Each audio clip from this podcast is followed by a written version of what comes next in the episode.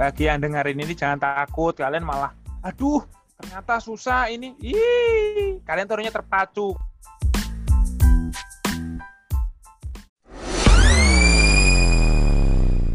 Oke, kembali lagi bersama Bos Sub dalam segmen Sub Tahu, cukup tahu aja biar gue yang nanya.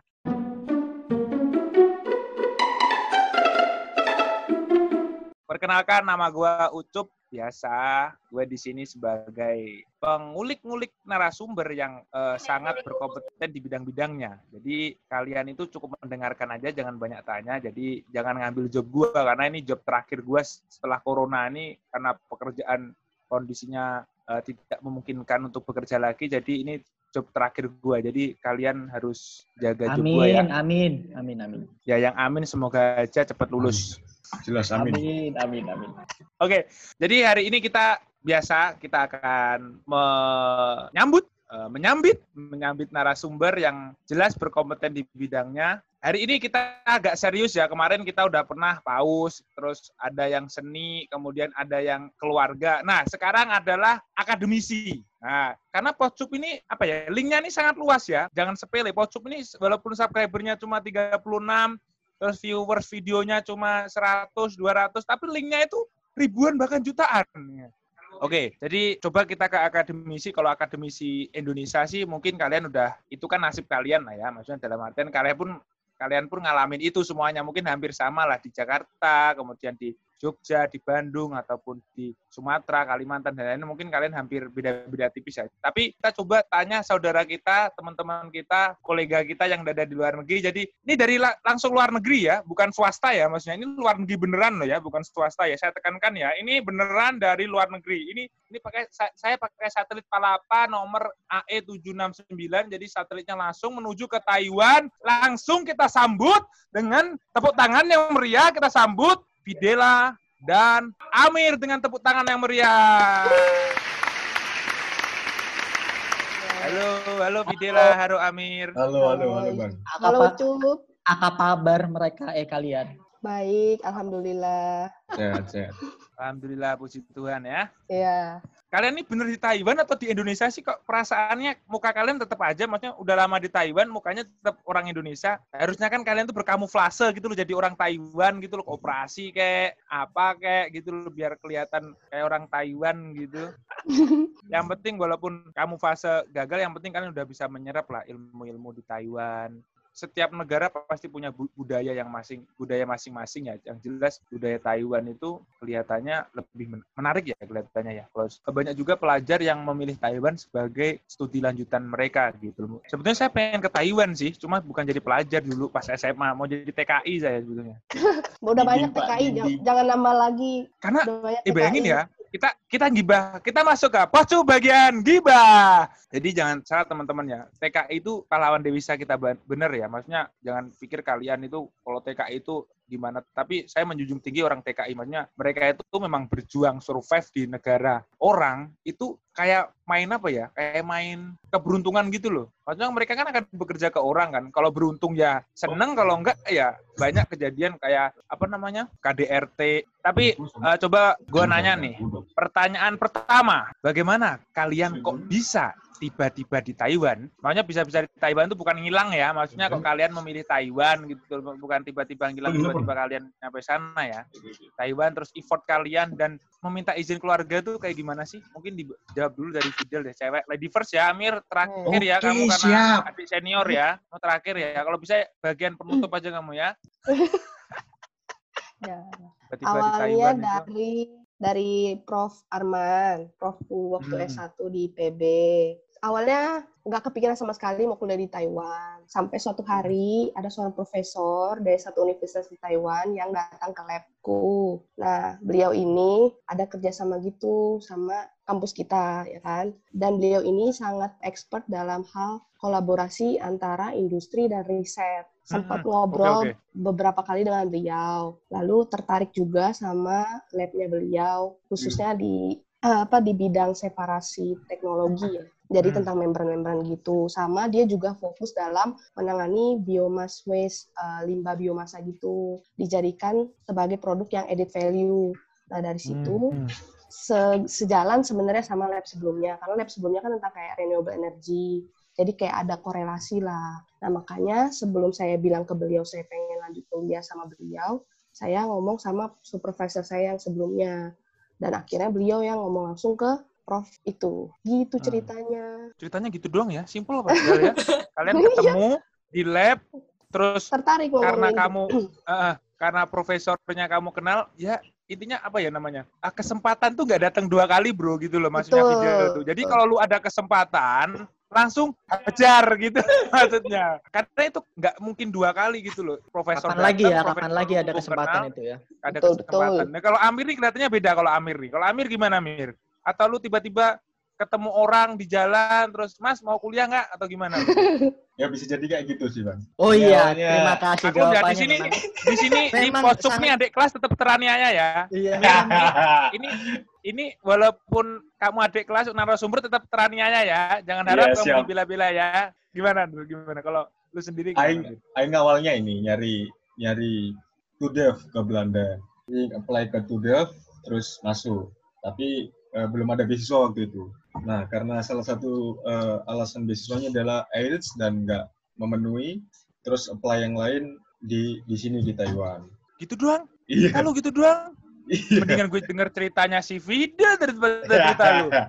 Itu sebenarnya Tapi poinnya teman-teman ya, Itu bukan nyasar, itu Ah. mujizat itu, mujizat. Iya, mujizat, Tapi mujizat. teman-teman gini ya, teman-teman ya, maksudnya ini Amir nih patut ka- kalian contoh loh. Maksudnya gini, sebetulnya kalian tuh mungkin mampu, cuma level kalian tuh harus kalian ukur gitu loh. Maksudnya ibarat IELTS-nya di sana nggak cukup nih buat di Belanda, tapi jangan terpaku dengan itu. Coba cari yang lain gitu loh. Nggak harus di situ loh nyari ilmu itu ya kan Kak Mir? Iya, Akhirnya lo siap, nyari benar. opsi yang lain, opsi yang lain, opsi yang lain, Hmm. opsi yang lain. Yang penting kan lu dapat ilmu tambahan gitu loh maksudnya. Maksudnya jangan Pintu terlalu satu terfokus dalam- tutup, pintu yang lain terbuka. Iya. Nah, benar sekali. Tapi sebetulnya gini, kadang-kadang kan orang nanya ya, Cup, kalau gue keluar negeri, gimana ya? Gue mampu nggak ya? Effort kalian seperti apa sih sejauh ini untuk menembus Taiwan itu gimana sih? Kalau kalau aku sih karena aku pengen belajar dan ini juga pertama kalinya aku merantau jauh.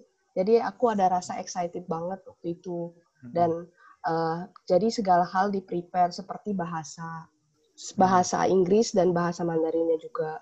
Jadi kalau bahasa Mandarin itu yang basic-basic aja nggak apa-apa kayak conversation yang eh, buat kalau mau beli makanan kayak gimana, kalau mau nanya jalan gimana, yang kayak gitu-gitu dulu. Yang nggak mesti yang harus yang sangat susah-susah banget, yang standar aja dulu itu. Terus Hmm. bahasa Inggris, ya sebelum berangkat kalau bisa itu udah baca beberapa paper atau jurnal yang berkaitan sama lab itu. Jadi pas Mhm. kita nyampai di kampus itu nggak kaget gitu loh. Oh, oh lab labnya ngerjain ini ini ya. Oh, uh, Hmm. jadi kita at least ada pengetahuan secara kulitnya aja dulu. Nah, ketika kita mau spesifikin lagi, nanti kan kita dapat dari mata kuliah itu. Dan mata kuliah itu kan enaknya tuh udah dikasih tahu uh, silabusnya apa kayak uh, buku apa yang dipakai untuk textbooknya itu kita bisa download dulu sebelum kita masuk kelasnya. Jadi kita ada baca-baca dulu. Jadi kayak nggak terlalu nol sama sekali, nggak tahu apa pun ya. Intinya kalau kita memang mau belajar, ya kita persiapkanlah diri dulu. gitu. Jangan langsung, ah nanti aja deh pas sampai di situ lihat aja gimana. Nggak gitu, karena kita pertama kali yang aku rasain kita di negara orang, kita representasi negara orang gitu. Bagi kita orang Indonesia nggak mau lah sampai eh ih mahasiswa dicap jelek sama orang-orang sana, ih orang Oh, Indo kayak iya. gini ya, kayak gitu. Nah jangan sampai Iya, kayak gitu. Jadi kita juga harus menunjukkan, oh ini loh orang Indonesia, oh mahasiswa Indonesia gini loh. Kita juga nggak kalah kok sama mahasiswa-mahasiswa negara lainnya kayak negara tetangga kita, Filipina, Malaysia. Kita bisa kok ternyata bersaing sama mereka dari akademik kita gitu. Dan di kelas kita seperti apa attitude-nya dan sebagainya. Kayak gitu sih kalau aku. Oke. Kalau dari Amir sendiri gimana Mir? Effort effortmu gimana Mir? Sampai Jadi untuk menembus. ya yang pertama persiapan dari Indonesianya masalah eh, bahasa seperti persiapan bahasa Inggris dan yang lain-lain. Yang pertama ya Hmm. tes TOEFL atau IELTS atau semacamnya yang menjadi prasyarat beasiswa dan kampus, IPK dan yang lain-lain. Sama eh, paling proposal penelitian. Dan yang paling jelas itu linearity dari jurusan. misal Hmm. ngambil jurusan nggak linear, misal kita dari teknik mesin biosistem yang Hmm. apa abu-abu atau semacamnya lah, misal kayak gitu, teknik pertanian atau apa, Hmm? ngambil ke manajemen, ngambil ke teknik mesin murni atau energi murni atau yang lain. Tapi banyak orang yang ngomong, oh kalian kok dari IPB kok ngambilnya jurusan-jurusan yang nggak linear sih, gitu misalnya. Ya, Hmm. biasanya orang-orang IPB kan jadi jadi jenderal, jadi general ya supaya kita misalnya ambil jurusan yang eh, nggak linear ya biar kita banyak tahu, ya biar nanti bisa jadi jenderal gitu lah paling. Jadi gini teman-teman ya, intinya sih kalau dari mereka tuh kan dari cara ngomong mereka ini dia akademisi banget nih dari Fidel sama Amir. Intinya teman-teman harus pertama step pertama tuh yakin dulu. Kalian bisa nembus itu yakin dulu. Karena orang yakin tuh pasti mempersiapkan dulu nih, mempersiapkan bahasa, kemudian ya wajar dong kalian ibarat mau ke Taiwan terus belajarnya bahasa Belanda ya nggak nyambung, jaga sambung bawa gelas, ya nyambung, blas. Intinya kalian minimal bahasa Mandarin, wah ini apa Ni hao ma. bahasa ya ma. Ni hao ma. Xie xie. Sepause nasi ya ya. Ini artinya nanti di bawah ya. Ini saya udah lama tiga tahun saya di Taiwan ya, jadi TKI ya. Terus ini buat Fidel nih, tapi nih, ini yang penting biasanya untuk cewek-cewek nih karena kan ngerantau jauh nih ya. Kalau si Amir mungkin mau semakin jauh dari rumah, orang tuanya semakin senang. Wah, anakku berjuang gitu kan. Nah kalau dari Fidel sendiri nih, cara izin ke orang tua gimana Del kemarin Del? Oh, wak- waktu itu awalnya orang tuaku kayak masih ah yakin jauh loh. Terus gimana nanti kalau kenapa-napa kalau sakit kayak gimana gitu. Terus sempet aku ngerasa takut juga sih kayak gitu. Ini pertama kalinya aku ngerantau jauh banget dan lama banget kan. Akhirnya aku coba berdoa dulu lah sama Tuhan kan. Tenangin diri dulu terus kayak tanya lagi sama Tuhan apakah benar ini eh, rencananya Tuhan? Dan akhirnya setelah udah tenang dapat dapat wangsit lah ibaratnya dapat ilham dari Tuhan aku berani ngomong lagi sama orang tuaku. Ya orang tuaku merelakan gitu oh nggak apa-apa. Selama itu menurut kamu yang terbaik buat masa depan kamu pendidikan kan juga investasi kan. Ya udah lanjut aja gitu. Dan mereka juga ngerasa Taiwan juga aman lah buat aku gitu karena eh, sebelumnya juga ada pamanku yang pernah kerja di sana juga jadi bukan negara yang sangat-sangat asing banget bagi mereka jadi kayak oke deh Hmm. eh, akhirnya menyetujui kayak gitu Kalau dari Amir sendiri gimana Mir izin orang tua Amir? Semudah izin meminang se- seorang kekasih nggak? iya, diusir, diusir bang, gimana?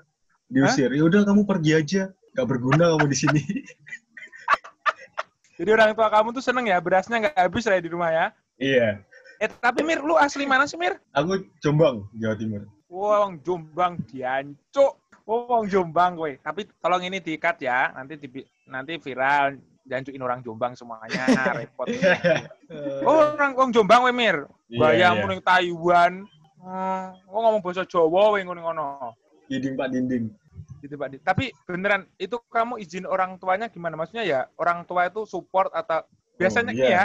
Amir kan orang Jawa nih, orang Jombang ya, orang Jombang ya, yang medok. Hmm. kayak saya juga sih. Biasa orang Jawa itu kalau anaknya mungkin Amir ini kuliah di Bogor aja orang tuanya itu udah ya Allah anakku sing paling ganteng mau kuliah di jauh ya nanti kalau sakit gimana? Mungkin bener kata Vida itu sakit gimana? Nanti kalau temennya ada yang mau ngerawat atau enggak? Nah ini bahkan dari Jawa ini udah kalau Bog- kalau si Vida kan Bogor Jakarta ke Taiwan. Kalau si Amir kan Jombang Surabaya Jakarta terus Taiwan nah izinmu gimana Mir Dulu S1 juga merantau, jadi sekarang merantau ya kayaknya nggak masalah kan. Oke-oke aja. gitu. Easy Nah, gaming. kamu izinnya ya udah lah ya udah Ya, ya udah lah, kamu lah, pergi aja. terserah. Ya, terserah. Terus ya kamu pergi aja lah ya Ya, santai. semoga aja nggak ada apa-apa pasti gitu akhir-akhirnya kan Iya, semoga gak ada apa-apa. Berarti filosofi keluarganya kayak lagu Run ya. Jauh di mata, dekat di hati ya. Iya, iya, iya. Yang penting amplop Iya, iya, terisi. iya.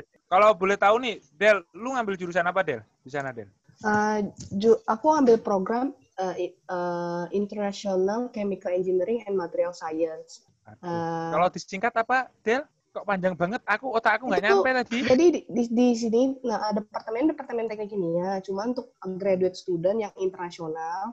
Karena aku international student kan, bukan bukan bukan. oh iya dong kamu kan internasional look yo yo Iya kan dari ini kalau iya iya iya iya iya oke ya teman-teman nomor Taiwan video nanti bisa dong. Iya, oh, nanti yang butuh nomor video bisa ke aku ya internasional look loh dan ya. Iseng-iseng Taiwan ini, bukan iseng-iseng boleh. iseng-iseng Taiwan ini. Iseng-iseng Thailand.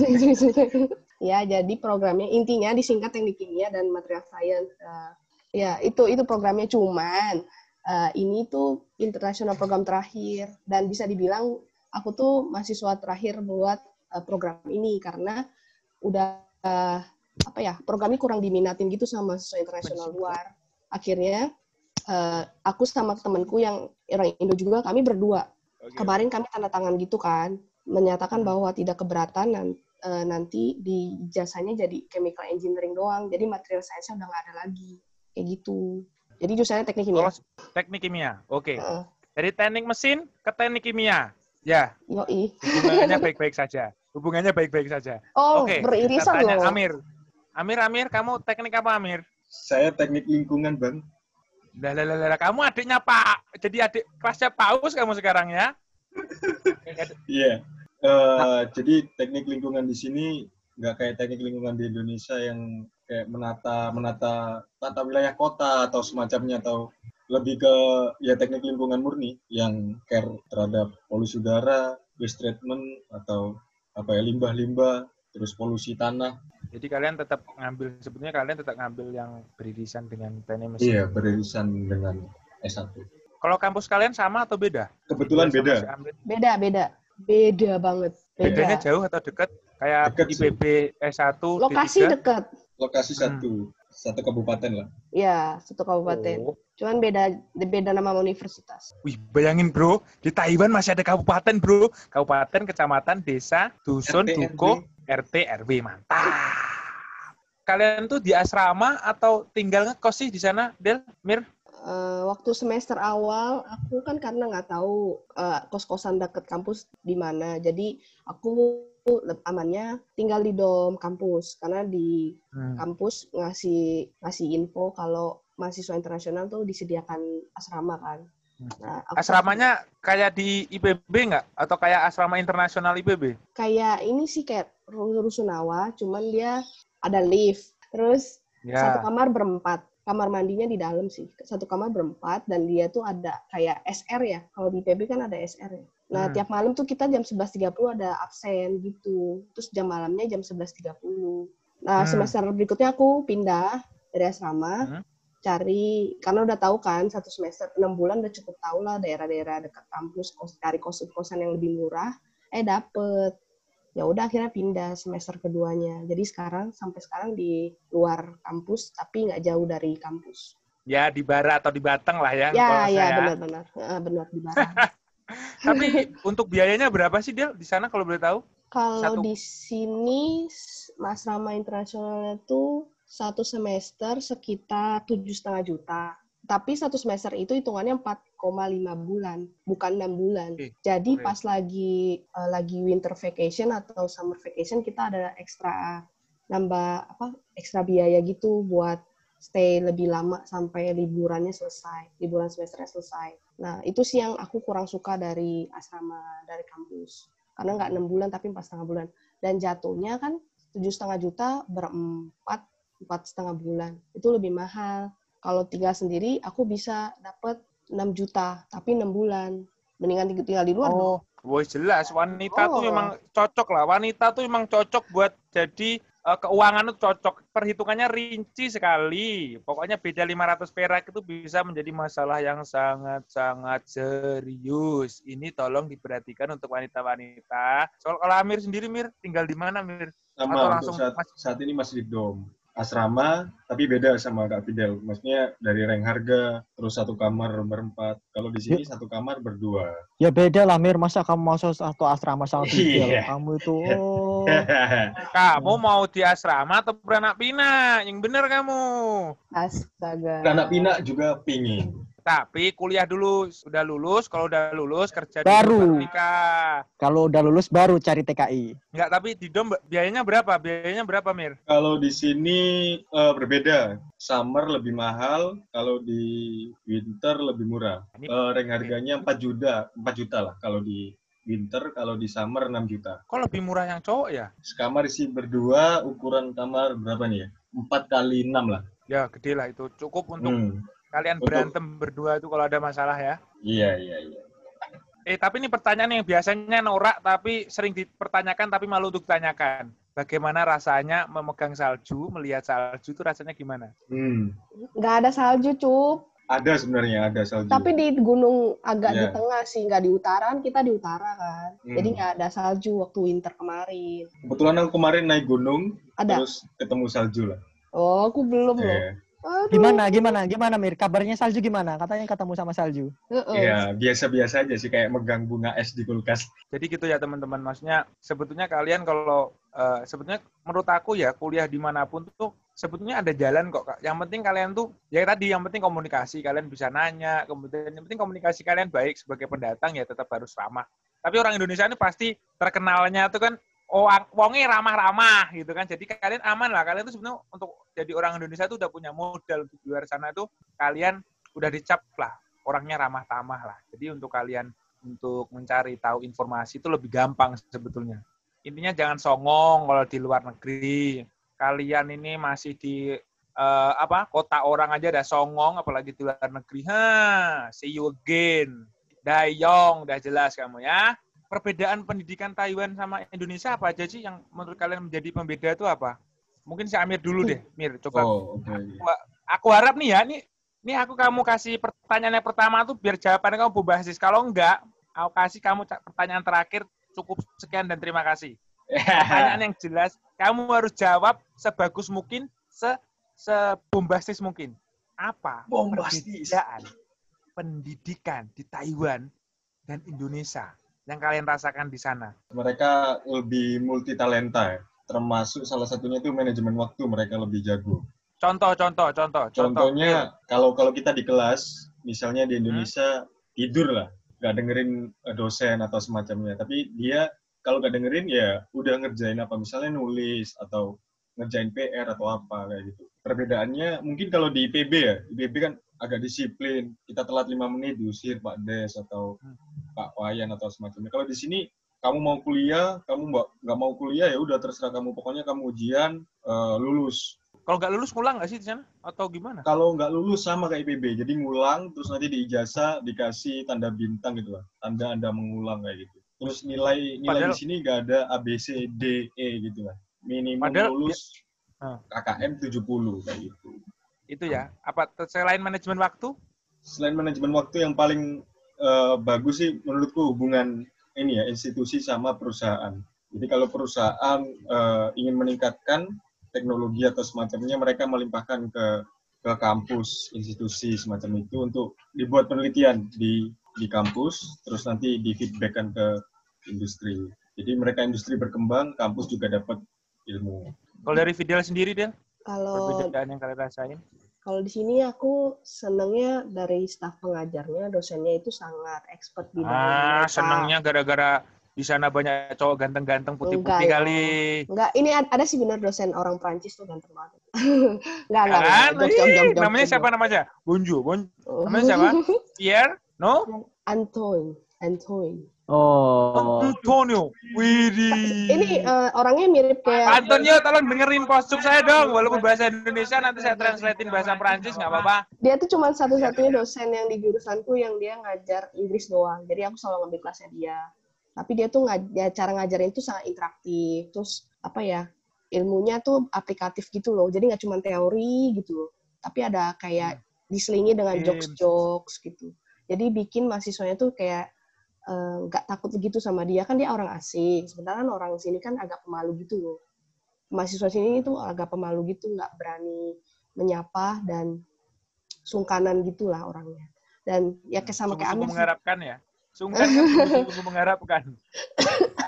Iya, jadi temen di, eh, di sini tuh pertama aku suka dosennya. Terus kedua dia tuh kalau kan biasanya kita tiga jam kuliah. Nah setiap setiap sejam pasti kita ada 10 menit istirahat.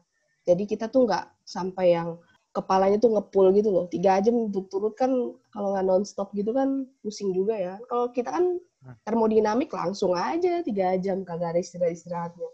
Kalau sini ada jedanya per jam kayak gitu. Terus eh, dari baju juga ya. Kalau di kita kan bajunya kan bajunya baju SOP kuliah lah ya. Celana panjang, pakai sepatu ya. Kalau di sini mahasiswa santai banget. Kaos oblong, celana pendek, sendal jepit. Eh sendal jepit nggak ada, sendal slop gitu loh. Pakai sempak. Iya, kayak gitu. Jadi kayak baru bangun tidur tuh langsung kuliah gitu kan. Jadi kayak aduh kok kayak nggak Tapi tolong dong be- besok buat akun di Instagram aku coba fotoin cewek yang cantik yang lagi bangun Oh. tidur yang waktu kuliah gitu. kalau summer cukup. Mir, Mir, tugasmu, Mir, tugasmu, Mir. Fix tugasmu itu. Eh summer banyak Jangan, loh. jangan. jangan. Segarin mata kan. Eh, tapi nih Fidel bilang nih, ada dosen kesayangan dia, dosen dari Perancis, Pak Iya. Antoni. Kalau si Amir sendiri ada nggak dosen yang lu incer, Mir, yang lu senengin? Oh, jelas ada. Cewek tapi ya, jangan cowok Iya, lu. Iya, jelas. Siapa namanya? Siapa namanya? Namanya siapa? Lupa aku. Orang sini sih. Tapi dia Namanya masalahnya orang-orang sini, ibu-ibu di sini tuh kelihatan kayak lebih apa ya? Macan lah, mama-mama cantik gitu loh. Aku suka kayak gini. Bahasanya macan ya bahasanya ya. Kita nanti undang Tante Irni.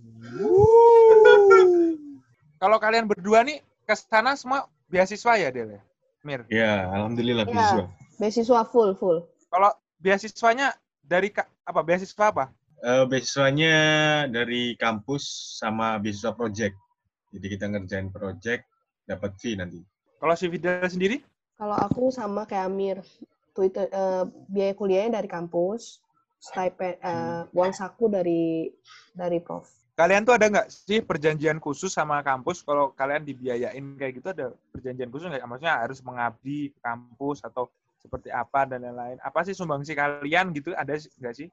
Ada. Sumbangsi, nggak ada sumbangsi. Masa sih? Aku ada loh. Nah, coba coba Iya. sih, coba ini ber- berdua ini beda nih. Ini Sebetulnya beasiswa kalian apa sih? Coba Fidel, Fidel, Fidel, Fidel, Kalau yang kalau yang kampus kan mereka mereka kan ngasih aku free biaya kuliah, tapi dengan catatan aku harus servis kasih pelayanan ke kampus tuh 40 jam satu semester. Satu semester cuma 40 jam gitu. Kayak misalnya kalau ada tamu dari Indonesia, kita yang menjadi semacam apa sih pendampingnya ya, kayak gitu. Terus kalau misalnya ada video video record gitu ada kelas bahasa Indonesia dari dari pihak eh, kampusnya kalau butuh orang Indonesia jadi translator mendampingi tamu nah kita harus harus bersedia lah. Ini juga ada syarat jadi tahun pertama memang bebas biaya kuliah. Biar tahun kedua lanjut nilai kamu tuh harus di atas 80 satu semester. Kalau misalnya di bawah 80 rata-rata satu semester nanti biaya biaya kuliah bisa di stop gitu loh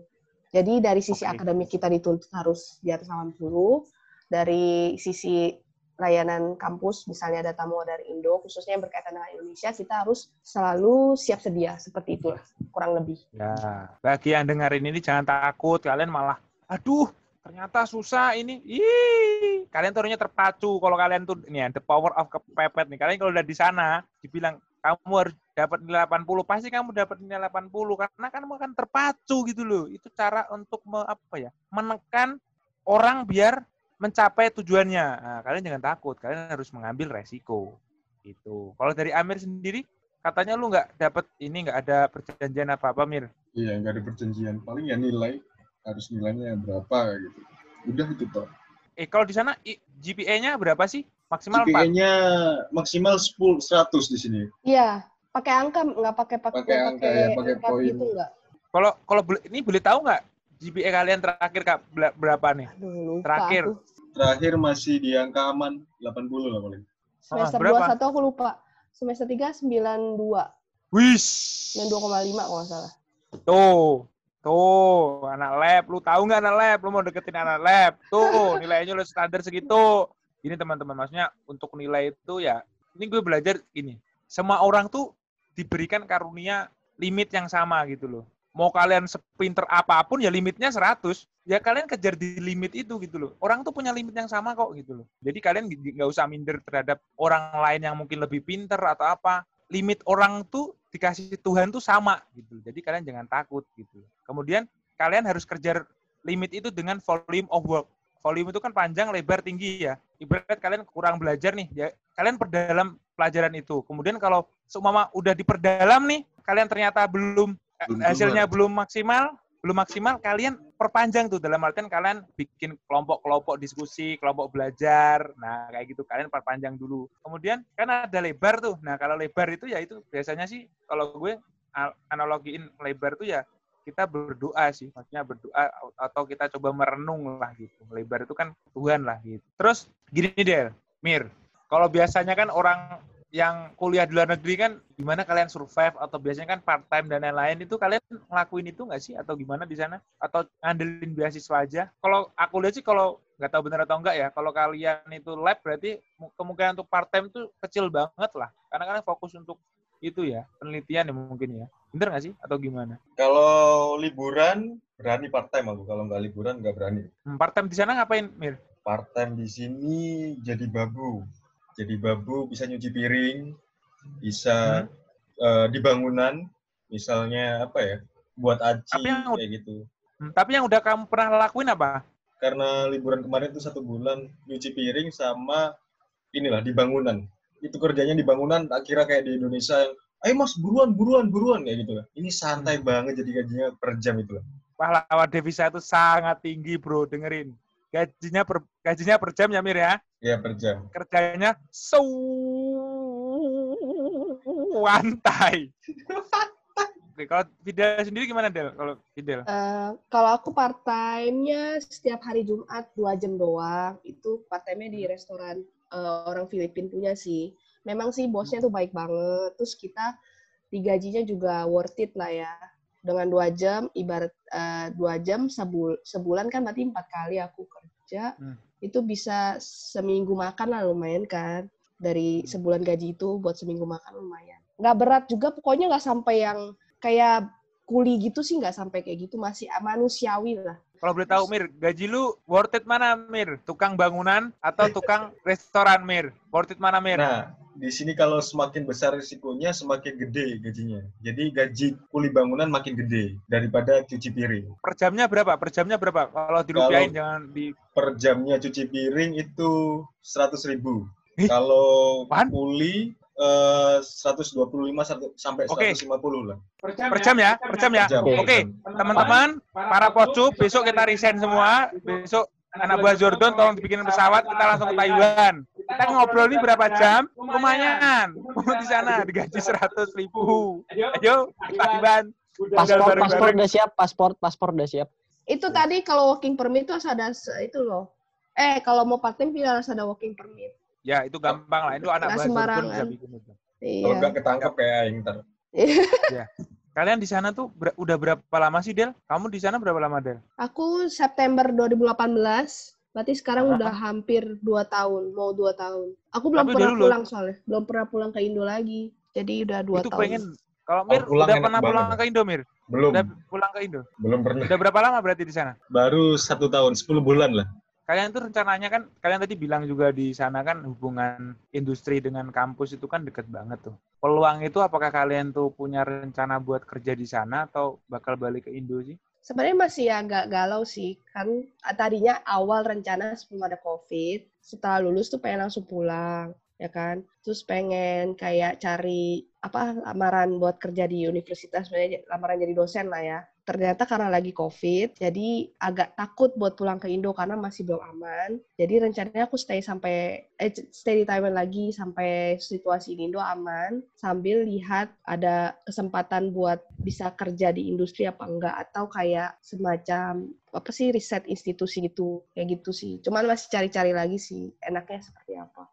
Mir, mungkin ada saran nih buat ko- teman-teman yang dalam kondisi kayak gini kan, maksudnya sebetulnya kan bulan-bulan ini kan banyak apa ya, banyak beasiswa kelihatannya, BMEC dan lain-lain kan banyak beasiswa yang lagi Hmm. apa dibuka nih. Kondisinya kan sekarang mungkin diundur. Hmm. Ada saran nggak buat teman-teman yang mau melanjutkan kuliah nih apa sih sarannya gitu? Sarannya ya apply, cari cari profesor yang satu satu frekuensi dengan kita. Terus apply eh, proposal, mereka setuju, cari beasiswa. Nah, karena corona ya sering-sering kontakan karena mereka juga bakal sibuk dengan kegiatan mereka masing-masing. Jangan sampai lupa. Hmm. Kalau dari Fidel sendiri, Del, ada nggak saran-saran buat teman-teman nih yang kelihatannya mau kuliah lagi nih, ada sarannya nggak? Kalau kalau aku pribadi aku berdoa dulu sama Tuhan kayak Hmm. aku dengan kuliah ini bisa membuat diriku lebih baik. Apakah dengan melanjutkan studi ini ilmu yang aku dapatkan bisa bermanfaat nanti ke depannya. Dan paling penting adalah ikutin kata hati gitu kan. Kalau kata hati kita memang ingin melanjutkan kuliah atau meningkatkan jenjang pendidikan pendidikan kita ke lebih tinggi, pasti nanti segala sesuatunya akan mengikuti lah. Hmm. Jangan lupa ketika, ketika itu kita udah sudah mendapatkan itu ya kita effort lah, usaha juga. Olah ora et labora, berdoa dan berusaha gitu. Dan paling penting lagi ketika kita sudah sampai di negeri orang, yang paling penting Hmm. adalah kita tidak menghilangkan identitas kita sebagai orang Indonesia. Iya, Karena di iya. bagaimanapun juga kita lahir di Indonesia, kita besar di Indonesia, kita mengenyam pendidikan di Indonesia, otomatis attitude kita, tata krama Indonesia yang sudah kita diajarkan dari kecil itu selalulah dibawa itu karena identitas kita di situ. Senyum sapa salam. Itu itu jadi ciri khas orang Indonesia. Bukan sayang, se- senyum sapa sayang gitu nggak ada. Eh, senyum sapa pokoknya S3S itu itu paling ciri khas Hmm. orang Indo. Terus eh, paling penting juga ketika kita sudah di Indonesia pasti kita ada semacam komunitas Indonesia, paguyuban orang Indonesia. Kalau di kampus sendiri namanya PPI ya, satu perhimpunan pelajar Indonesia.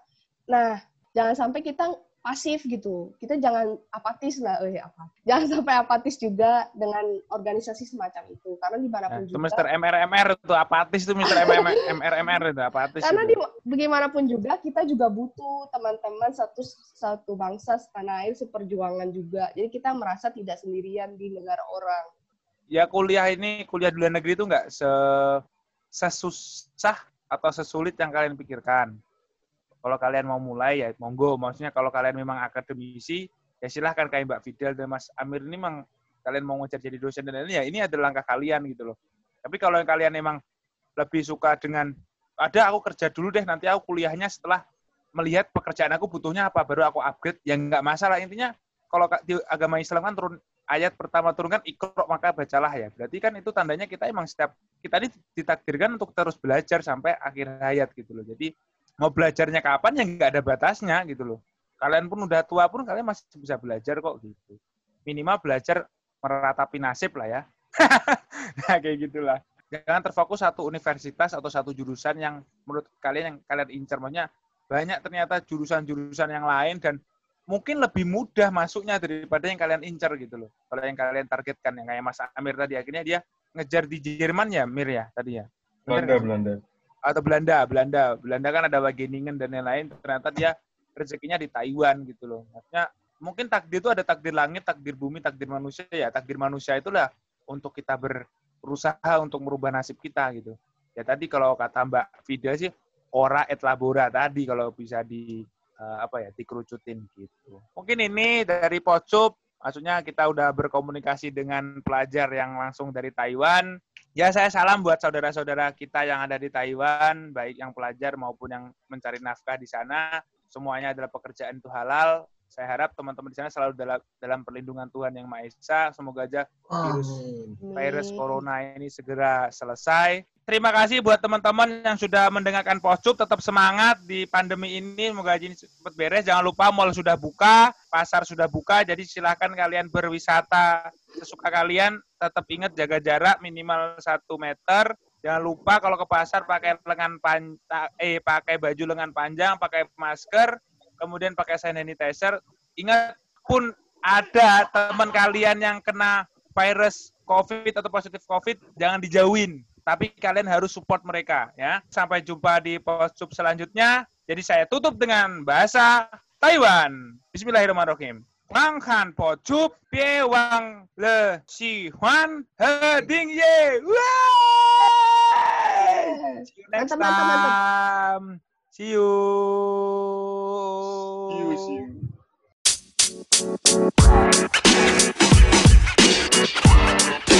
You. You know, man.